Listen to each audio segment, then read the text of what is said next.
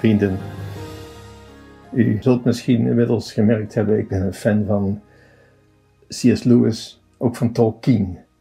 Christelijke schrijvers die het verstand en intellect over het geloof konden schrijven. Het was trouwens Tolkien die Lewis op de weg van het eh, christendom heeft gebracht. Ik ben een eh, fan ook van, zijn, van hun fictieve verhalen.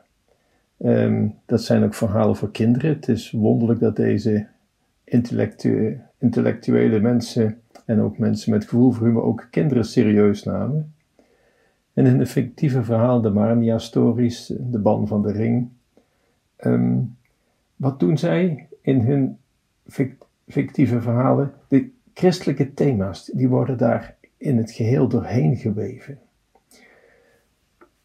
Wat ook beide zeggen is dat wat aan de grondslag van het christendom ligt, is, is die ja, coherentie, hoe moet ik het zeggen? Een, een situatie waarin een samenhang is tussen afzonderlijke dingen, waarin het allemaal klopt, waar het op alles op elkaar aangewezen is. Er is die samenhang. Een mens is geen eiland. We, we kennen die uitspraak. We zijn aangewezen op elkaar. En ja, het is ook, denk ik, dat we het individu dat we zijn, dat is tot ontwikkeling gekomen binnen gemeenschappen. Een mens is geen eiland. Nee, we zijn altijd onderdeel van een groter geheel. En juist daarin ontwikkelen we ons tot het individu dat we zijn. Welke gemeenschappen bedoel ik? Nou, allereerst het gezin waarin je opgroeit, je familie, je vriendenkring, de school, ehm, daar waar je woont. De volksaard van een Brabander is weer wat anders dan van een West-Vlaming, um, enzovoorts. Leven is je begeven in een groot web van, van connecties, van verbanden. individu, individu en gemeenschap, nee, die staan niet los van elkaar. ik weet het, Sartre, die zei ooit, de hel, dat zijn de anderen. Maar toch, het katholieke standpunt is, je kunt maar heilig worden, juist door die anderen. Um, maar dat geldt, geldt voor alles dat met elkaar verbonden is. Ik heb hier een broodje voor mijn neus liggen, dat ga ik straks uh, oppeuzelen. Um, dat broodje is er ook niet uit zichzelf. Um, dat, dat is nou een hele weg afgelegd. Afgezien van de winkel en het marktmechanisme waardoor het in de winkel terecht kwam en allerlei mensen die daarbij betrokken zijn, heeft het ook te maken met iets, iets veel breders, met de hele kosmos uiteindelijk. Dat klinkt wat overdreven, maar ik zal het u uitleggen. Als je het over brood hebt, dan heb je het ook over een graankorrel. Dan heb je het over tarwe. Heb je het over graankorrels en tarwe, dan heb je het over de aarde. Heb je het over de aarde, dan heb je het ook over regen en wind. En als je het daarover hebt, heb je het ook over de planeet. Heb je het over de planeet, dan heb je het over de zon, het zonnestelsel.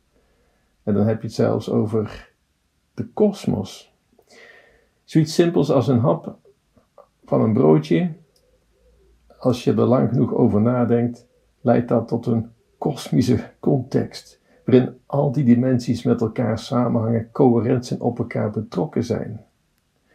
Het, denk aan uw eigen bestaan. U bracht negen maanden door in de schoot van uw moeder, waardoor, waarvan je overigens volledig afhankelijk was. En de rest van uw leven bracht hij door in wat ik dan maar noemde macro-schoot, die we aarde noemen. ik, ik adem de lucht in en uit en ik heb geen enkele invloed op, op, op de lucht zelf, op het zuurstofgehalte enzovoorts. Het is allemaal precies genoeg om in leven te blijven. Ik ben afhankelijk van het voedsel dat ik gegeten heb en het water dat ik drink. Ook daar heb ik geen invloed op en ga zo verder.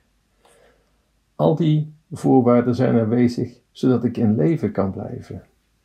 Nee, een mens is geen eiland. Een mens staat niet op zichzelf. Kijk, eens als, uh, hoe we ons identificeren als persoon, als individu.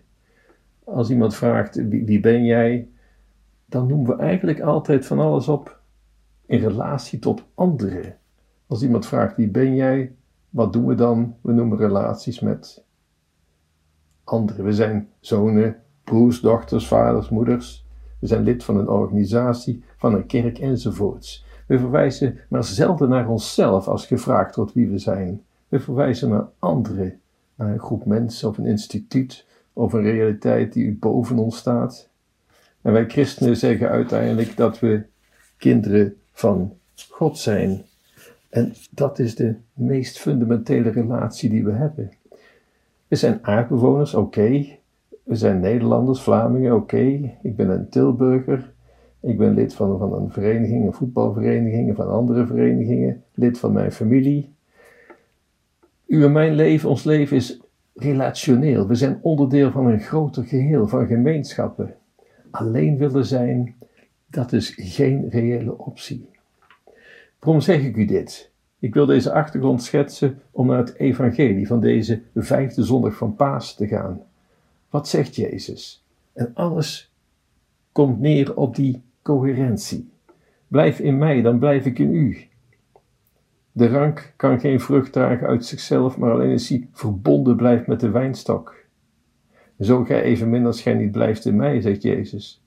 En hij gaat verder. Ik ben de wijnstok, gij de ranken. Wie in mij blijft, die draagt veel vrucht, want los van mij kunt ge niets. Als iemand niet in mij blijft, die wordt weggeworpen als een rank die verdort en die wordt in het vuur geworpen. En eigenlijk elke zin in het evangelie, die geeft die coherentie aan. Die laat die coherentie zien tussen God en mens. Jezus zelf is volkomen coherent met de Vader, één in wezen met de Vader. En wat is nou het goede nieuws eigenlijk van heel die Bijbel? Jezus en God de Vader, die nodigen ons uit in het leven dat zij met elkaar delen. Om volledig te delen in hun goddelijk leven, in hun coherentie. God wil dat we delen in zijn leven. Denk aan het begin, die schepping, de Hof van Eden. God wandelt met Abraham, Abraham wandelt met God. En wandelen, dat, dat dat geeft iets amicaals, want dan loop je er niet voor, niet erachter, maar daarnaast. En je loopt in een gelijk soort ritme. Mens is dan ook geschapen naar Gods beeld en gelijkenis. Goed, door de zonde, we weten het, is dat beeld vertroebeld, maar die gelijkenis is gebleven en het kan hersteld worden. Dat is die reddingsoperaties die God keer op keer op keer stuurt, opdat wij weer zouden hersteld worden, de recreatie, het leven met God. En Jezus zal het ook later zeggen: Ik ben de weg, de waarheid en het leven. Wil je delen in dat goddelijk leven? Ga die weg die Jezus ging.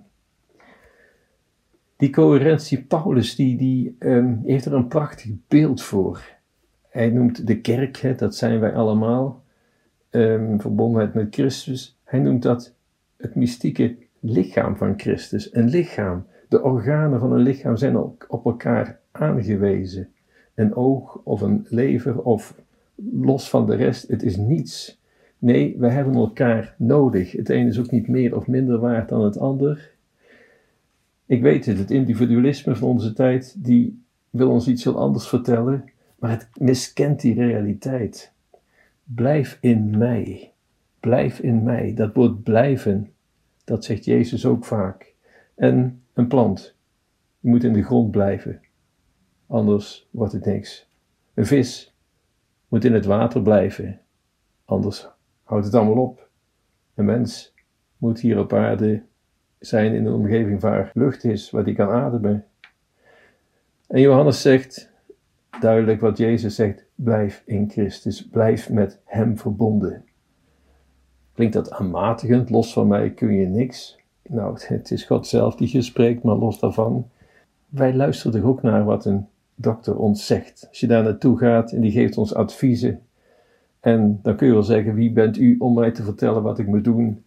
Een arts zal alleen maar zeggen: Nou, dit is mijn advies. En als je er geen rekening mee houdt, moet je zelf weten. Maar ik geef je alleen maar de feiten. Zo is het ook met een trainer. Als je op conditie wilt komen, die zal je oefeningen geven. Doe dit en dat. En je conditie komt in orde. Als je mijn aanwijzing niet wilt volgen, moet je het zelf weten maar ik wijs je alleen maar op de feiten. En zo ook Jezus, die geeft die aanwijzingen. Hij heeft een voorbeeld gegeven. Dat kun je negeren, maar vrucht dragen. Vraag het jezelf af. En als je het wil weten, kijk, kijk naar de heiligen.